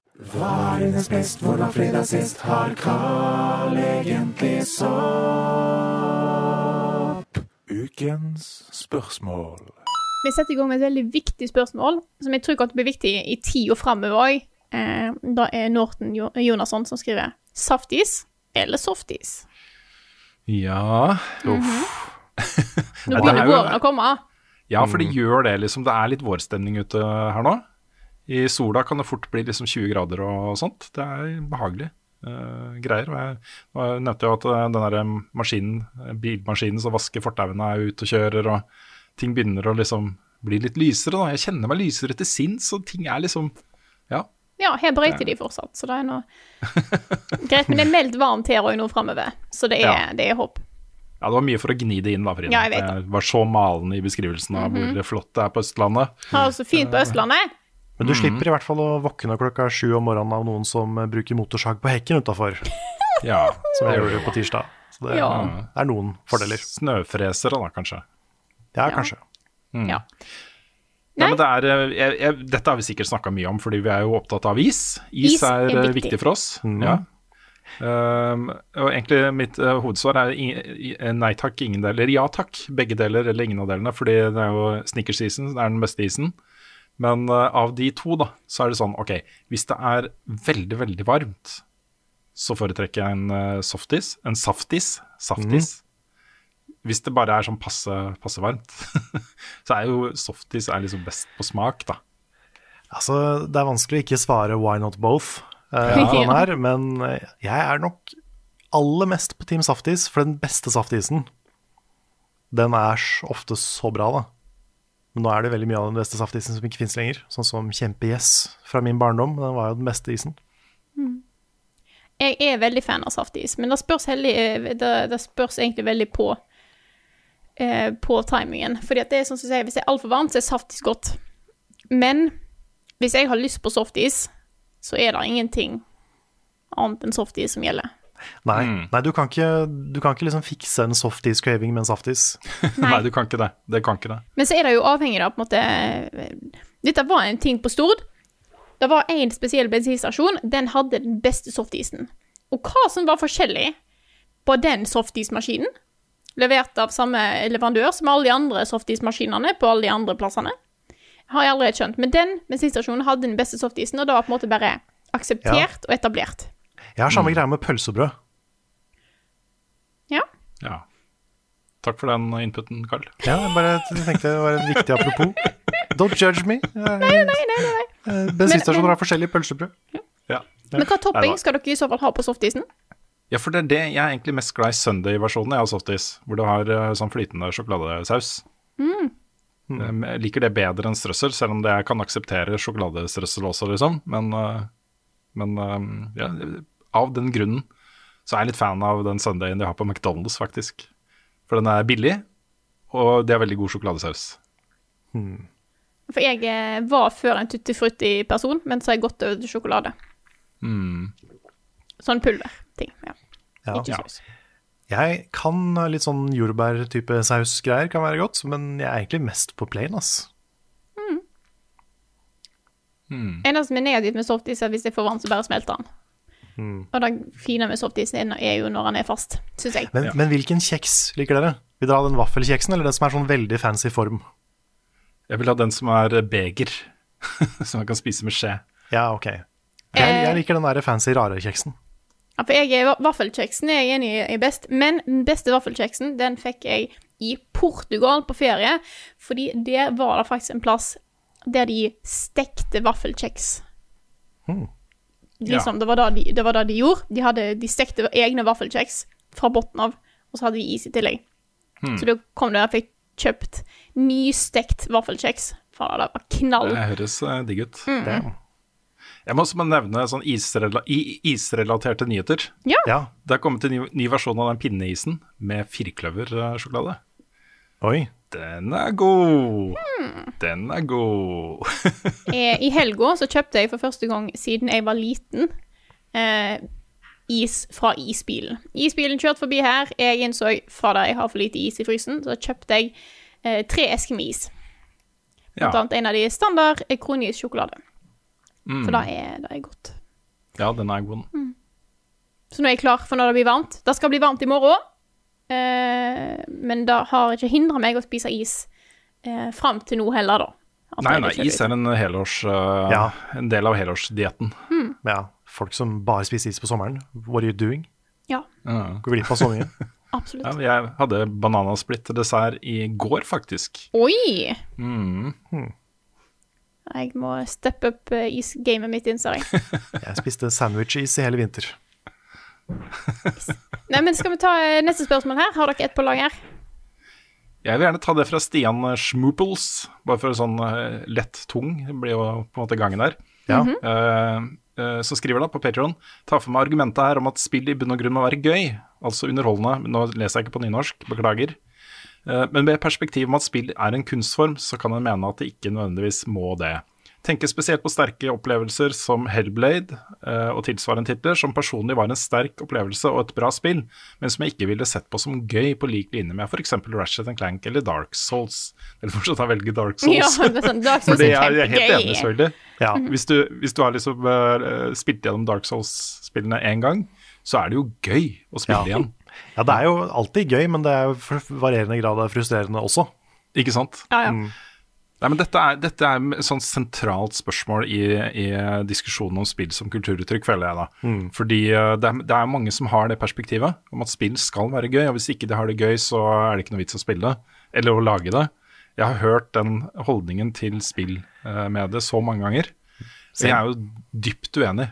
Altså, jeg, eh, noen av mine favorittspillopplevelser er jo spill som er ubehagelige, og som får meg til å liksom føle på liksom kjipe ting, da. Ja. Um, Vi har jo en lang spoilercast om The Last of Us Part 2, som i hvert fall vi tre mener er kjempe, kjempe, kjempebra.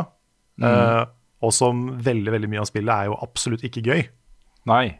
Heller tvert imot. Men det er sterkt, og det, er, eh, det påvirker oss, det går inn på oss. Det er en, en god opplevelse, selv om ikke det er direkte gøy, da.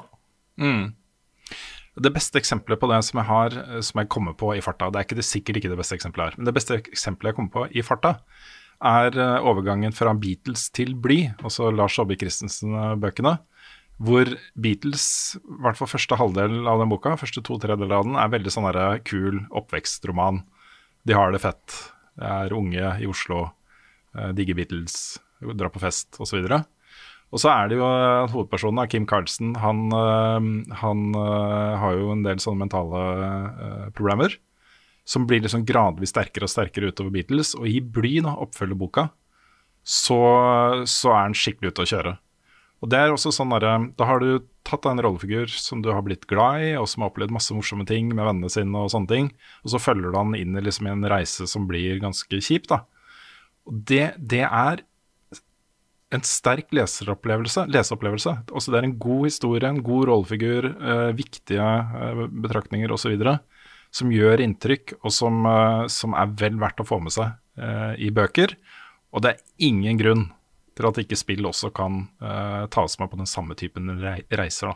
Mm. Ingen grunn i det hele tatt. Jeg føler det liksom Historisk sett har vært veldig mange forsøk på å putte litt sånne regler på spill. Og helt sikkert på film også, men, eh, men sånn spill må være gøy, spill må ha en fail state, spill må det og det og det for å være spill. Uh, og det er jo nesten alltid bare tull. Mm, Det er det. Nei, så jeg vil gjerne ha flere av de, den type opplevelser som gjør vondt. Det er ehm, uh, Det er med på liksom Den type opplevelser er med på å uh, gjøre at vi kan reflektere over hva det betyr å være menneske og en del av en verden og et samfunn og, Mm. uh, og, og sånne ting. Det er liksom Det perspektivet er nyttig, da. Mm. Uh, Ja.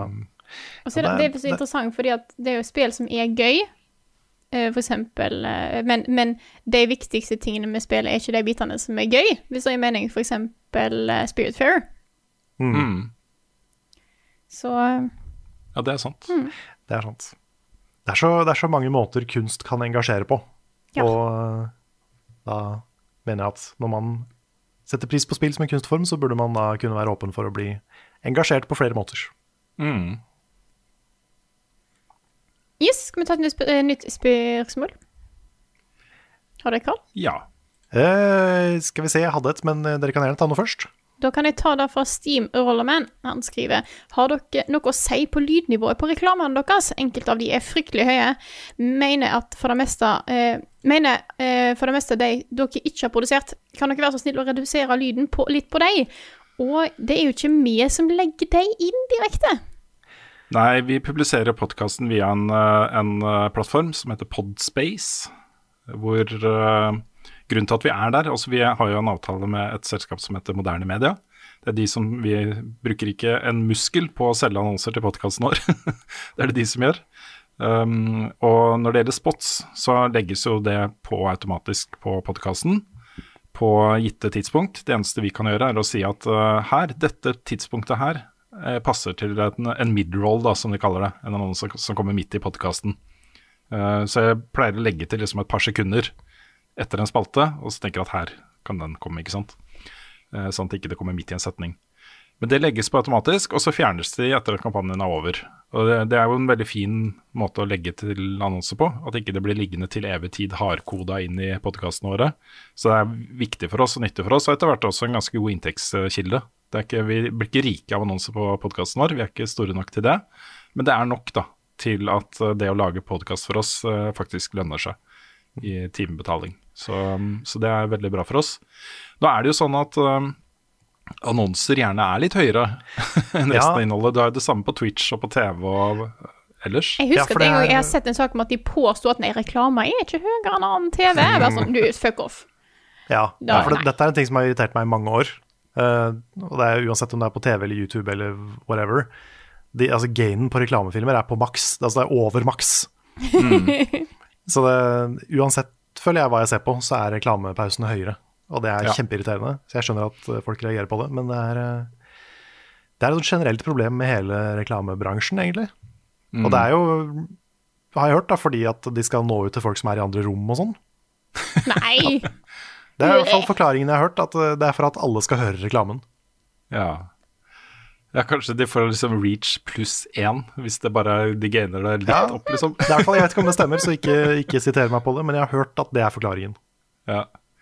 Når det er sagt, da, altså vi har ikke kontroll over dette selv, men når det er sagt, så basert på dette spørsmålet fra uh, Steam Rollerman, så skal jeg ta kontakt da med moderne media og bare høre om det er mulig å skru den ned litt. Jeg tror ikke det er det. Uh, vi har jo en, uh, et alternativ som vi ikke har utforska så mye, og det er jo å få generelt høyere lydnivå på vår, altså vårt innhold, det vi lager selv.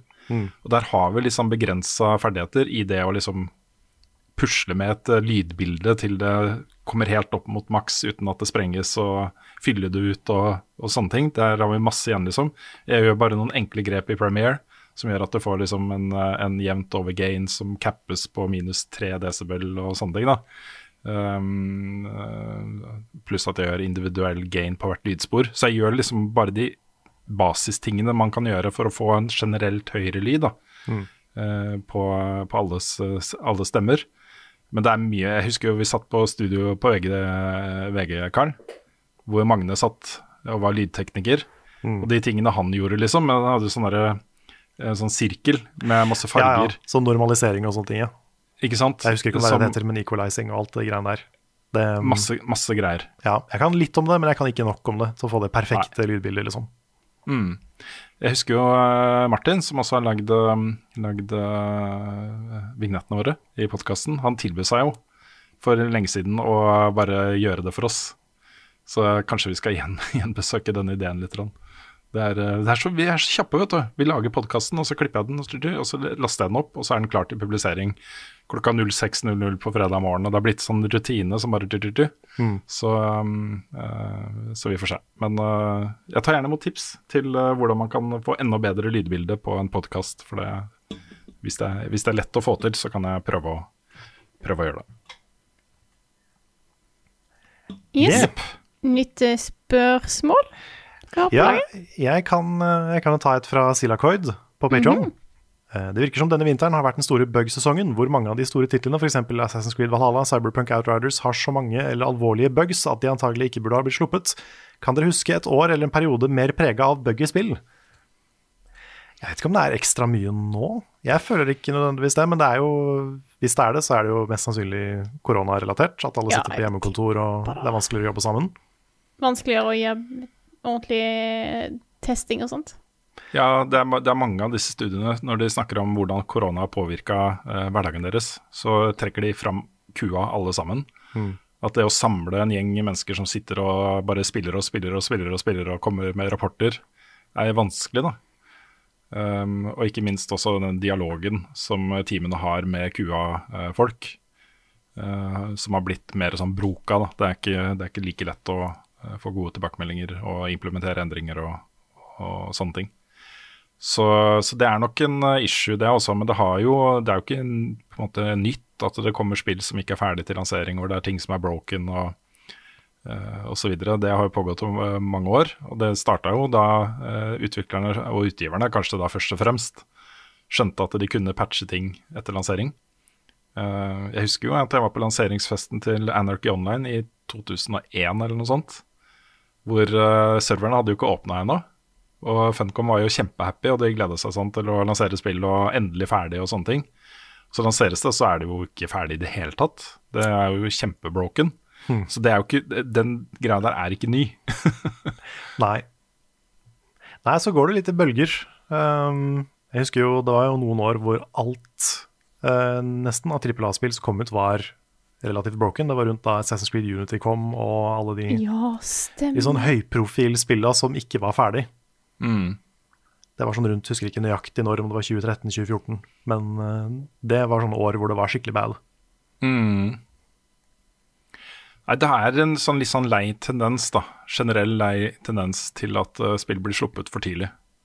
Eh, og det gjelder, det gjelder jo da i hovedsak, føler jeg da, de store, store spillene hvor det er sjukt dyrt å utsette uh, med en måned eller to eller tre eller et halvt år eller et år, eller hva de da trenger for å få det helt ferdig. Det koster de så svimlende store summer at de velger å lansere det selv om de vet at ikke det er ferdig, og tenker at vi skal patche det så fort som overhodet mulig etterpå, liksom. Og så er det jo, eh, sånn som i Cyberpunk og, og, og sånn, så er det jo mye tilfelle av Nei, men vi har Studio Magic som bare fikser dette her til launch. Det er bare, folk er negative nå, men de kommer til å se at det går. Ja. Og så går det ikke. Nei, det er, eh, det er en litt skummel tendens. Da.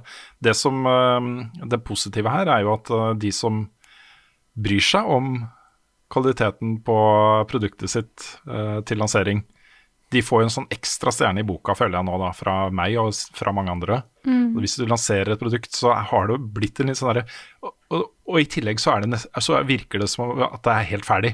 Mm. Det blir trukket fra som en sånn positiv ting da, eh, for opplevelsen, ikke sant. Så ja, kanskje det åpner litt, eh, litt eh, rom for, for folk som bryr seg om de tingene og utsetter ting til det er ferdig osv. Fordi um, jeg håper jo at det å gi ut uferdig spill får en backlash. Mhm. At uh, utgiverne blir tvunget til å ikke gjøre det lenger. Fordi det er ikke greit. Det er ikke greit. Nei. Det er noen studioer som jeg har mer sympati med enn andre. Sånn som uh, jeg har hørt at konsollversjonen av Disco Elysium sliter. Ja. Eh, og det, det er jo selvfølgelig kjempefrustrerende for de som har kjøpt det og ikke får det til å funke ordentlig og, og sånn. Samtidig så skjønner jeg at et, så, at et så lite team i en pandemi sliter med å gi ut perfekte konsollutgaver uh, oppi alt det andre. Mm.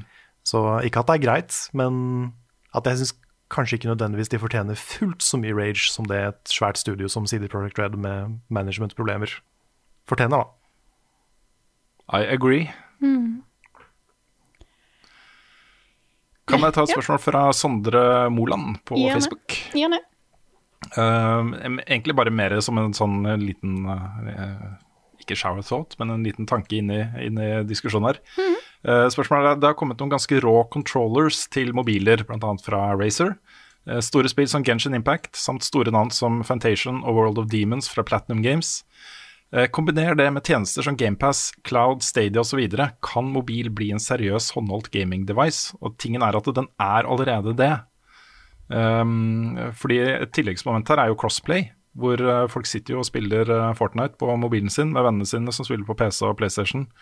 Uh, Warzone um, uh, Jeg mener Call of Duty.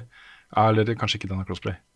Uh, Minecraft, uh, Roblox, Among uh, Us. og Among Us. Mm. Og så Det er så lett nå å koble til. Også folk sitter jo liksom med mobilen på en liten rack, og så har de mus og tastatur kobla til med Bluetooth til mobilen, og det funker som bare det, liksom.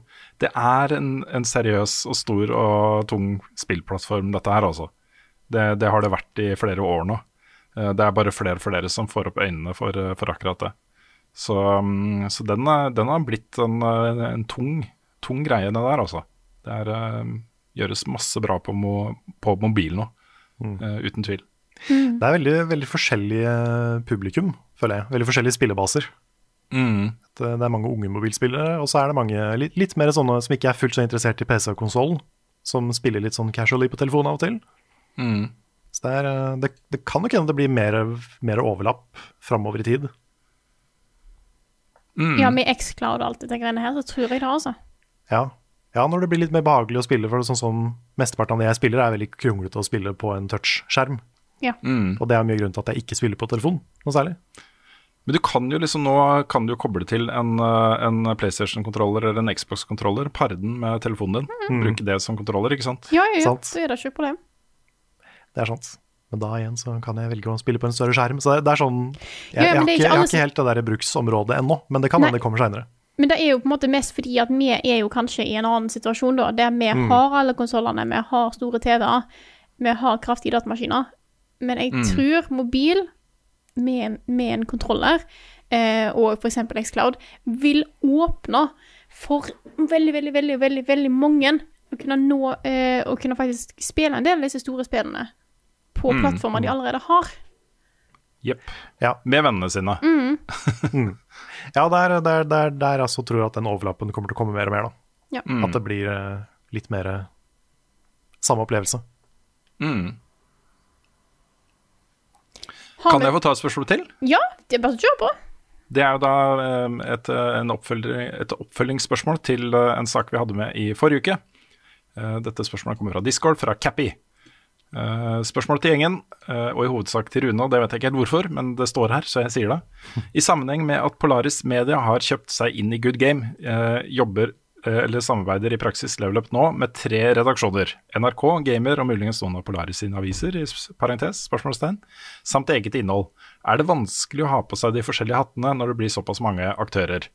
Eh, vet jo bl.a. at Polaris samarbeider med A-media og Schibsted når det kommer til distribusjon av fysiske produkter, men jeg regner ikke med at dette kommer til å gå på samarbeid redaksjonelt, siden samarbeidet har pågått i en del år allerede.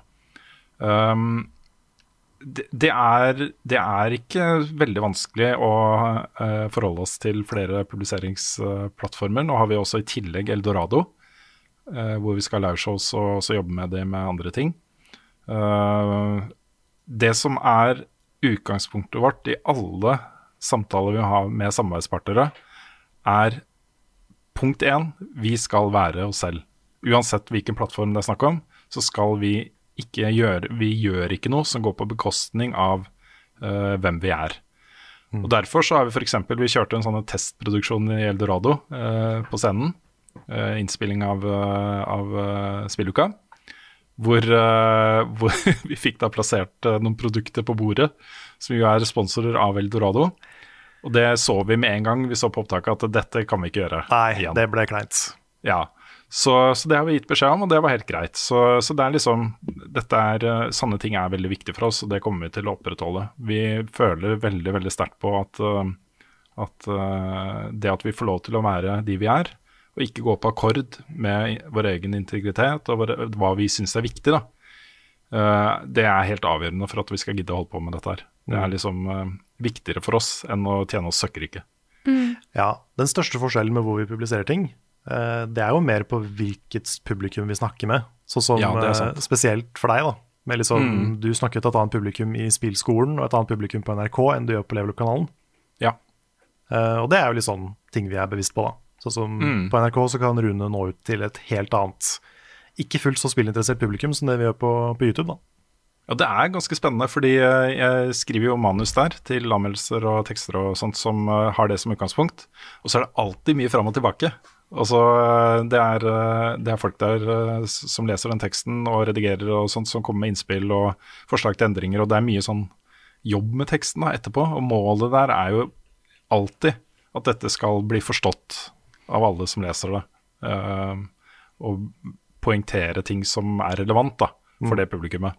Jeg Ja. synes det, det er litt gøy, altså. Og um, ikke bare liksom skrive en tekst og så legge ut, men at det blir jobba med og liksom knadd litt da, før det skal ut.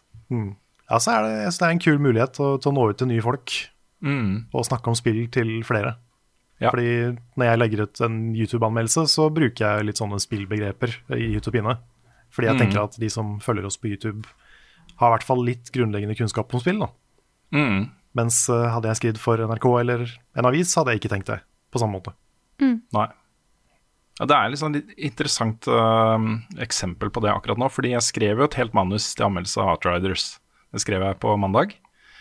Um, og så uh, rakk jeg ikke å lage den anmeldelsen før vi skulle lage spilleuka og sånne ting, men jeg fortsatte da å spille Outriders på kvelden. Og så begynte jeg liksom å oppdage nye ting og endra litt mening om ting og sånt, om å skrive en ny tekst. da. Men den teksten er jo bas Da merka jeg etterpå, når jeg leste den, at den er jo basert på at det her skal jeg ha video. Dette skal ut på video til vårt publikum. Eh, og da, da poengterer jeg helt andre ting, og jeg skriver om helt andre ting, og jeg trekker fram andre ting enn jeg ville gjort i en tekst til NRK. Og da begynte jeg å tenke kanskje jeg skal prøve, da. Å trekke litt inn den måten jeg bygger en tekst på eh, til NRK, i videoanmeldelsene også. Fordi eh, jeg legger jo mer arbeid i de tekstene til NRK enn en videoanmeldelse, fordi det er så mye av det jeg skriver i det manuset som jeg skal bli støtta opp av video fra tingene jeg snakker om. Og da, det er på en måte en, en, eh, en sånn ting som handler vel så mye om det visuelle som det språklige. Da. Men kanskje det går an å liksom kna litt mer på teksten til våre kanaler også, så jeg skal jobbe litt mer med det også. Så ja. Så må jeg jo si da at det, det hadde ikke gjort noe hvis Polaris Media eh, plutselig ringte på døra. eh, En koffert full av penger. en koffert, koffert full av penger. Ja, det, det, vi er ikke helt uinteresserte i den type eh, samtaler. Vi har, vi har den type samtaler med folk. Det er liksom eh, Ja. Det er, en, eh, det er jo en mulig, uh, mulig måte å sikre fremtidig drift på. Eh, så Ser de holder til i annet Trondheim. Bare til å gi beskjed. Det, mm, Ja. Have uh, your people call our people. Yes. Åh, nei, har dere siste, eller er vi, skal vi gi oss der? Da Ja. gir vi oss der. Dette her er Level Backup, en podkast utgitt av moderne media. Låten i introen og outroen er skrevet av Ole Sønnik Larsen og arrangert og framført av Kyoshu Orkestra. Vignettene er lagd av fantastiske Martin Herfjord. Du finner mye mer innhold og teite polls på YouTube-kanalen vår, youtube.com slash levelupnord.